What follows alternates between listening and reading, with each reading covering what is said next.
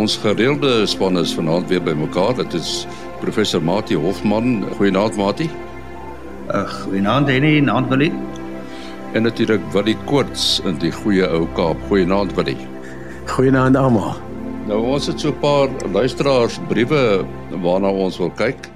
En uh, die eerste een is Piet Viljoen vra of uh, die verskywing van die verskillende goed soos erts en gas of dit die sogenaamde noem dit maar 'n uh, uh, die wikkel van die aarde kan beïnvloed. Ja, kom ons dink nou, hoekom is, is kan Piet dink dat dit dalk 'n effek kan hê?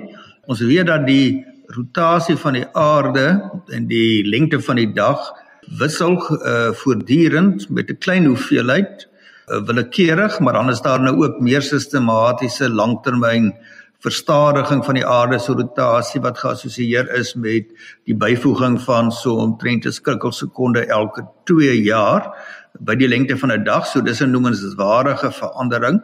Ehm um, weet 'n sekonde is daarom nou nie min vir uh, 'n uh, stelsel so groot soos die aarde om sy rotasie te verander nie.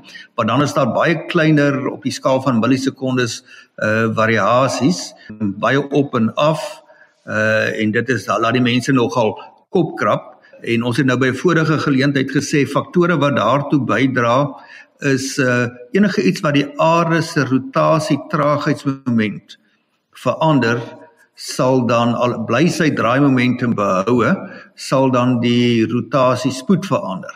En dit sou kon wees soos baie sterk winde wat vir baie lank uh in groot uh, weerstelsels teen baie hoë berge vlieg dit kan 'n meetbare effek hê. Uh, op die skaal van millisekondes of breekdele van millisekondes ehm um, dan ehm um, die die hoeveelheid vog in die atmosfeer. Enige iets wat meer massa in die atmosfeer uh, plaas dit verskuif massa na uh, na verder van die middelpunt af en dit sal dan neig om die rotasie klein bietjie stadiger te maak. Dit is nou daardie effek wat ons ook al oor gepraat het van 'n uh, uh, yskaatser wat roteer vinnig in die ronde en dan uh hulle arms uitsteek en dan roteer hulle skielik stadiger. Die draai-momentum bly behoue. Uh maar die traagheidsmoment wat 'n aanduiding is van die gemiddelde verspreiding van die rotasie af van al die uh al die massa. Dan is daar nou nog 'n 'n ander effek wat nou aansluit by hierdie vraag uh, wat nou nie net gaan oor die spoed nie, dit gaan oor die rigting van die aarde se as relatief tot sy oppervlak. En daarso is 'n uh, uh, sogenaamde wat jy nou genoem het die wikkel. Uh, hulle praat van dit die Chandler wobble om nou maar die Engelse term te gebruik en dit behels die verskywing van ongeveer tot 'n hoeveelheid van 9 meter van daar waar die denkbeeldige as van die aarde deur sy uh deur sy oppervlak steek. En uh en nou die vraag is waar kom dit verband? Nou dit is nie altyd dieselfde die die die amplitude nie as dit nou uh begin wikkel uh en jy laat dit nou daar gebeur niks dramaties in die aarde nie dan sal dit nou oor 'n kwessie van 'n paar dekades nou uitsterf maar dan word dit weer baie kere weer opgewek. En nou is die vraag wel beide wat die rotasie spoed betref en die rigting van die aarde se as uh in beginsel sou dit aangehelp kon word uh of, of beïnvloed word deur groot verskywings van massa ehm um, deur natuurlike prosesse uh het sy verder vir die aarde se middelpunt af soos wat ons gesê die atmosfeer in maar dit kan ook wees druk in die oseaan ehm um, wat te doen kan hê met die temperatuur van die see wat die gemiddelde digtheid verander uh van die water as die temperatuur laer word uh paal was dit nou onder 4 grade gaan uh maar by hoër temperature uh of die sout sout soutinhoud alles goed wat weens uh, prosesse in die klimaat met bepaalde op 'n betaalde maniere gewysig kan word. Maar okay, so daar is prosesse wat 'n uh, invloed kan hê, maar dit kom almal uit die natuur uit en dit is klein. Uh, baie klein, maar dit kan gemeet word. As dit gaan oor dit wat die mens kan doen uh deur massa te skuif, uh dit gaan 'n uh, baie baie klein effek wees. Selfs die kumulatiewe effek oor baie dekades. 'n Mens sal 'n berekening kan doen. Ek kan nou nie so 'n berekening in my kop doen nie, maar dit gaan miljoenses van miljoenses van 'n sekonde wees as ek nou maar sommer my aanvoeling gebruik. Wat die mens kan doen uh, in die verband is maar uh, uh, is maar baie gering in terme van die totale massa van die aarde. Ja nee, ek wil nogal ook daar saamstem. So uh, jy het nou spesifiek genoem die seewater. Nou ja, ons weet dit is dit is die grootste 70% van die oppervlak as ek reg onthou. En en as jy al ooit met 'n boot gevaar het en jy en jy vaar net um ver genoeg dat jy nou nie meer land sien nie en jy sien net hierdie groot stuk oseaan, dan besef jy eintlik hoe wat 'n ontsettende hoeveelheid water daar op die aarde is. Uh, soos jy nou sê as die water bewegings uitvoer, kan jy amper mak, maklik vir jouself indink dat dit baie baie meer gaan wees as al die mynbedrywighede sover. Ek het op toe ek ook net die vraag gekyk het op 'n oulike dingetjie afgekom wat iemand uh, 'n uh, vraag gevra het eendag as al die mense op aarde gelyk sou spring. Ehm um, sê maar jy versamel hulle almal aan dieselfde kant van die aarde en jy sê spring of hulle die effek wat hulle gaan hê op die beweging op die aarde self. En en toe iemand die som gaan maak en toe hulle uitgewerk. Hulle het dit nou aan aan groot getalle uitgedruk maar iemand het dit toe nou mooi saamgevat. Dit is dieselfde effek as een sel in jou liggaam sou spring teenoor jou hele liggaam se massa. So ja, dit is dit is ons is maar net op hierdie groot planeet wat eintlik maar 'n klein planeetjie is in vergelyking met ander planete. Nou uh, wat het terwyl jy aan die woord is, hier's 'n brief van Marius van Rein. Ons het die afgelope program of twee gepraat oor die Artemis projek wat toe nou nog nie gelanseer is nie. En toe kom die term uh lanseervenster launch window ter sprake verduidelik net weer wat presies is dit? Ja, so die ehm um, lanseervenster, ons het nou gesê byvoorbeeld uh uh hulle uh, na die maan toe is die land lanseervenster so 2 ure. So enige tyd binne in daai 2 uur kan hulle lanseer. So lanseervenster is is uh, is is basies die die tydsduur wat jy waar binne jy moet lanseer om nog steeds jou teiken te bereik.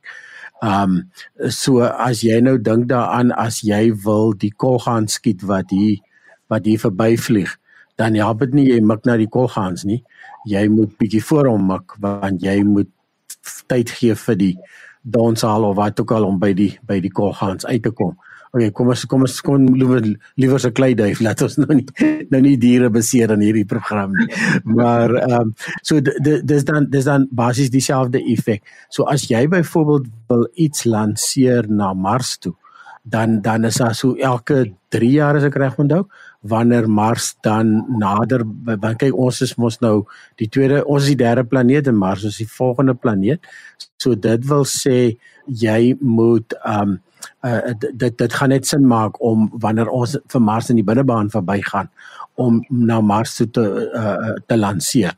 So daar da, da kan jy amper sê jou lanseervenster is elke 3 jaar en dan het jy 'n paar maande waarbinne jy kan Mars toe gaan.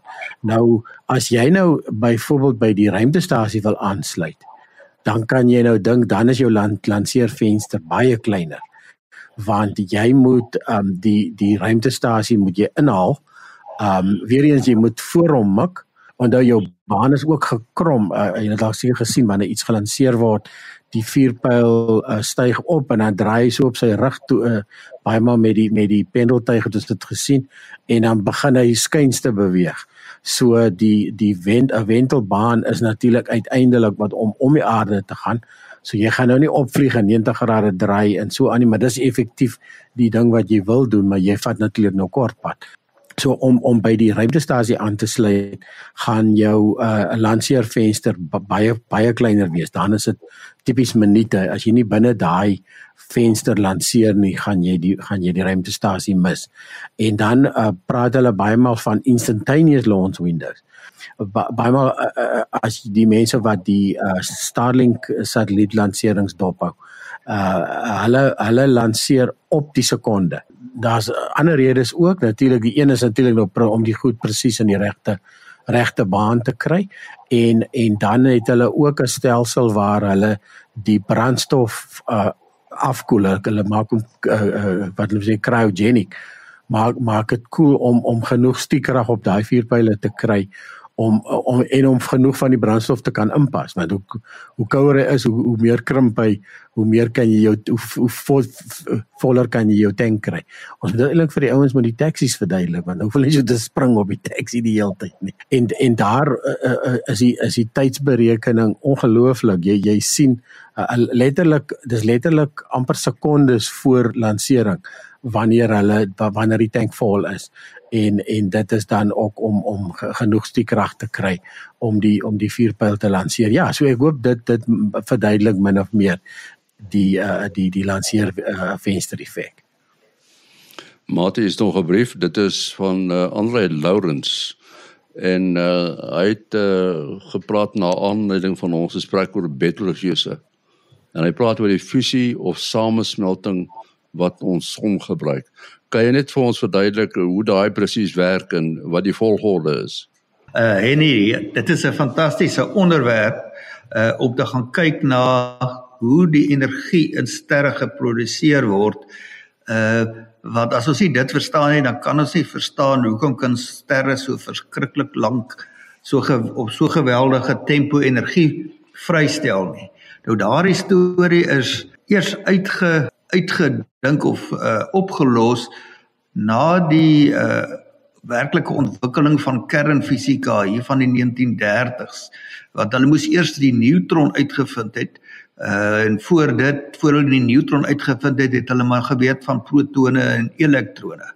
Uh een van die groot baanbrekers op hierdie veld was Hans Bethe uh wat uh in die 60er jare het hy nou eers 'n uh, 'n uh, 'n uh, Nobelprys gekry vir sy groot werk om die storie van wat in die hart van sterre aangaan. Nou uh kom ons begin by die mees basiese proses wat plaasvind. En ons hou in gedagte dat die volopste element by verre in die heelal is waterstof. Uh nou as mens waterstof vat en jy uh maak die gas warm genoeg dan kry ons eintlik maar net 'n klomp protone wat daar rondvlieg en elektrone wat maar los van mekaar in hierdie wat oorbly wat ons 'n plasma noem.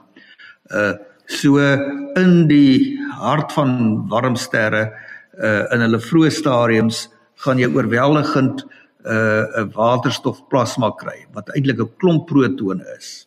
En dan is daar 'n proses wat hulle die proton siklus noem en jy kan jou nou voorstel jy begin met deur 'n bepaalde proses sit jy in 6 protone en jy eindig met 'n helium kern plus 2 protone. Nou die helium kern self, so dis basies die versmelting van waterstof na helium.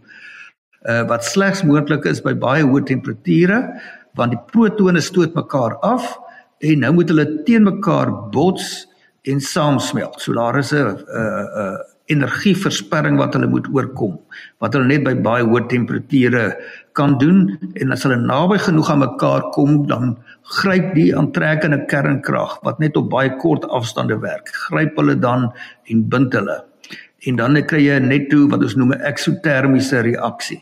Jy kry meer energie uit as wat jy moes insit in terme van termiese energie en daardie en, uh, energie is in die vorm van die beweging van die uh, heliumkerne en gamma strale en ander deeltjies wat uitgekom het.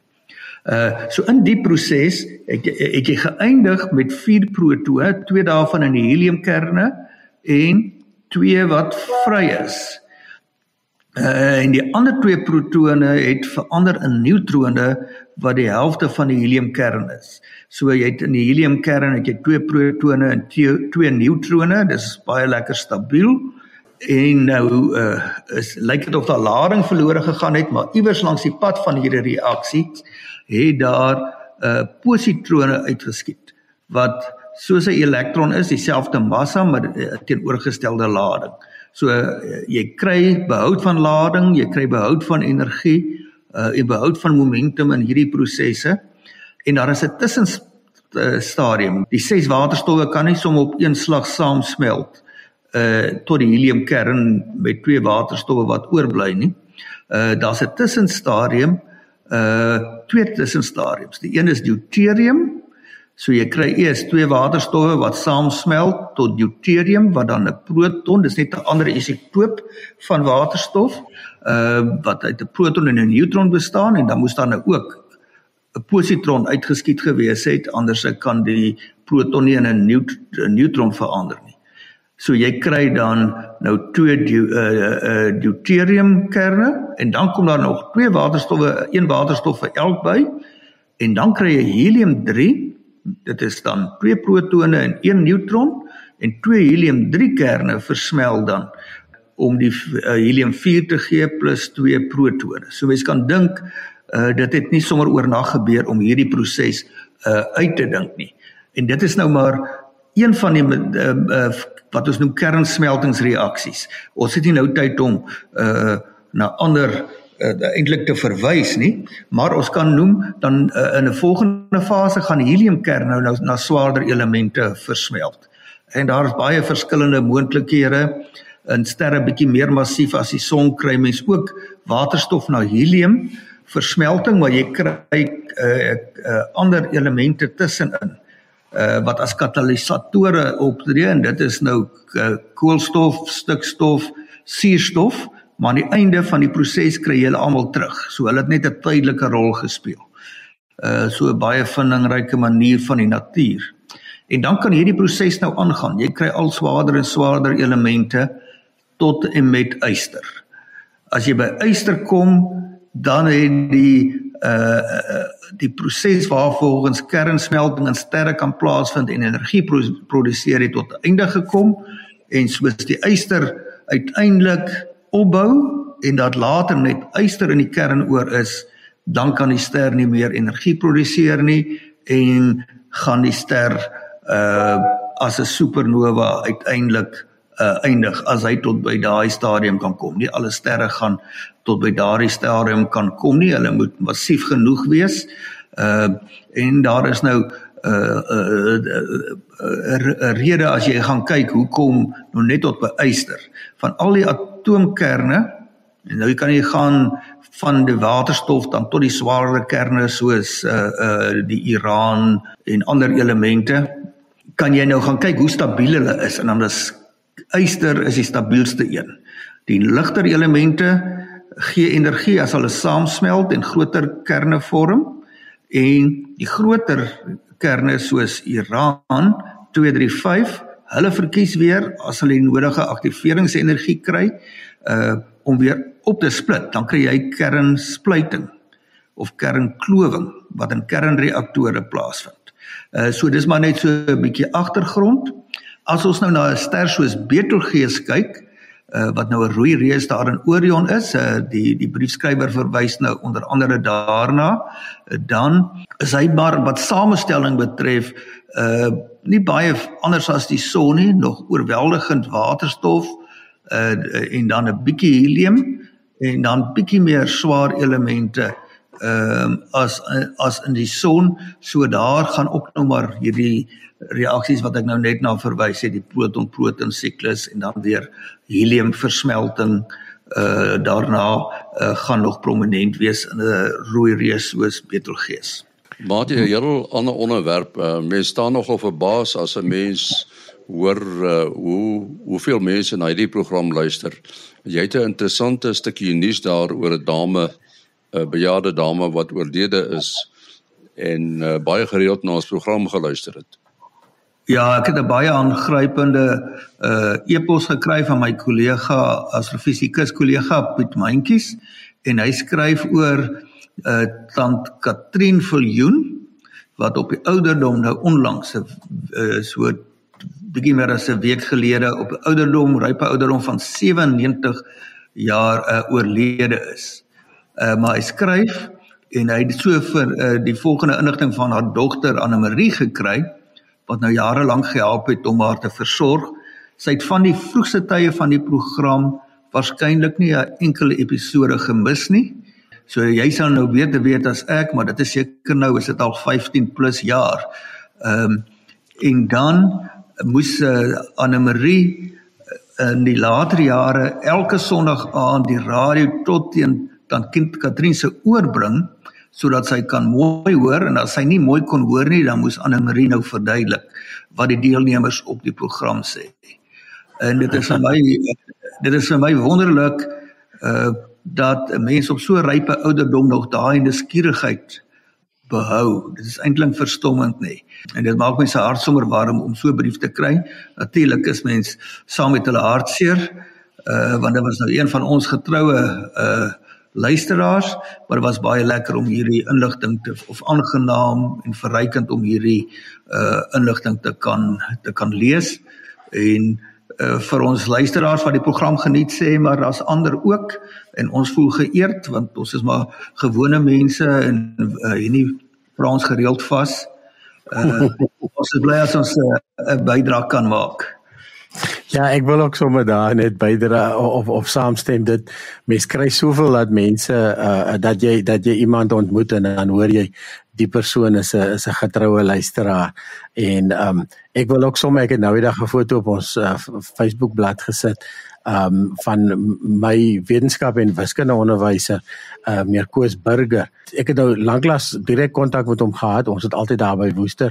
Hulle was in dieselfde gemeente as wat my ouers was en dan ons dan ons by die kerk gesien en um en dan so so 'n bietjie bietjie was so lanklaas daar by hom ge, gewees maar ek en sy seun Andre en sy vrou uh uh sy net ons was saam in die klas gewees. Ons was ons was uh uh ek dink ons was iets so 6 of 7 in die wetenskapklas, klein klasie, ons was maar uh, 20 matriek, maar in elk geval uh meneer Koos Burger is nou uh het het uh vroeër in die week uh, maandag as ek reg onthou het hy 90 geword. Sy vrou is 91 hulle is nog in goeie gesondheid en hulle is daar in die ouete huis in Woester en ehm um, toe ander kon bevestig dat dat meneer Burger luister, luister nog elke Sondag na sy na sy oudskoolier. So ek wil net vir meneer Burger sê baie dankie. As dit nie vir hom was nie, dink ek sou ek my belangstelling in wetenskap en wiskunde lank al verloor het, maar die manier wat hy dit vir ons verduidelik het en dit lewendig gemaak het en baie van sy analogieë wat hy jy weet soos hy spoed van lig 11 keer uh, uh 7 en 'n half keer om die aarde in 'n sekonde en en die klas van goed is goed wat ek tot vandag toe nog onthou. Ja, ek wil net sê Mati, uh ons program loop al hier van die eeu wisseling af. Dis nou die 22ste jaar wat sterre en planete op die lug is. En wat vir my interessant is, mense vra waar kry jy al die materiaal? Dan sê ek vir hulle die materiaal is daar. En jy moet dit net interpreteer weet ons programmetjie het begin as 'n 5 minute insetsel op donderdag aande. En die res is geskiedenis, né? Yes. Ja, daar gebeur soveel nuwe dinge en soveel nuwe ontdekkings. Mens bly eintlik nie naaste by by nie. Nou goed, ons sluit af daar. Uh Willie, uh sê maar totsiens. Selfoonnommer 072 45 79208 0724579208 En Mati, uh, jy's mos in Paradysstrand hoor ek, nou nie in Bloemfontein nie. Ja, ek geniet nou die pragtige uh uitsig terwyl ons opneem hierso oor die vlei lande en sien die berge daar. Uh so ons is nie aan die bietjie aan die ander kant van die duine as die see, maar is net oor die duine dan ons sien ons ook die see. Uh in elk geval my selfoonnommer 083 625 7154. 083 625 7154. Ja, onthou jy kan aan ons skryf. Uh, ons e-posadres is sterreplanete@gmail.com. sterreplanete@gmail.com. Ons is volgende week terug. Tot dan. Alles van die beste.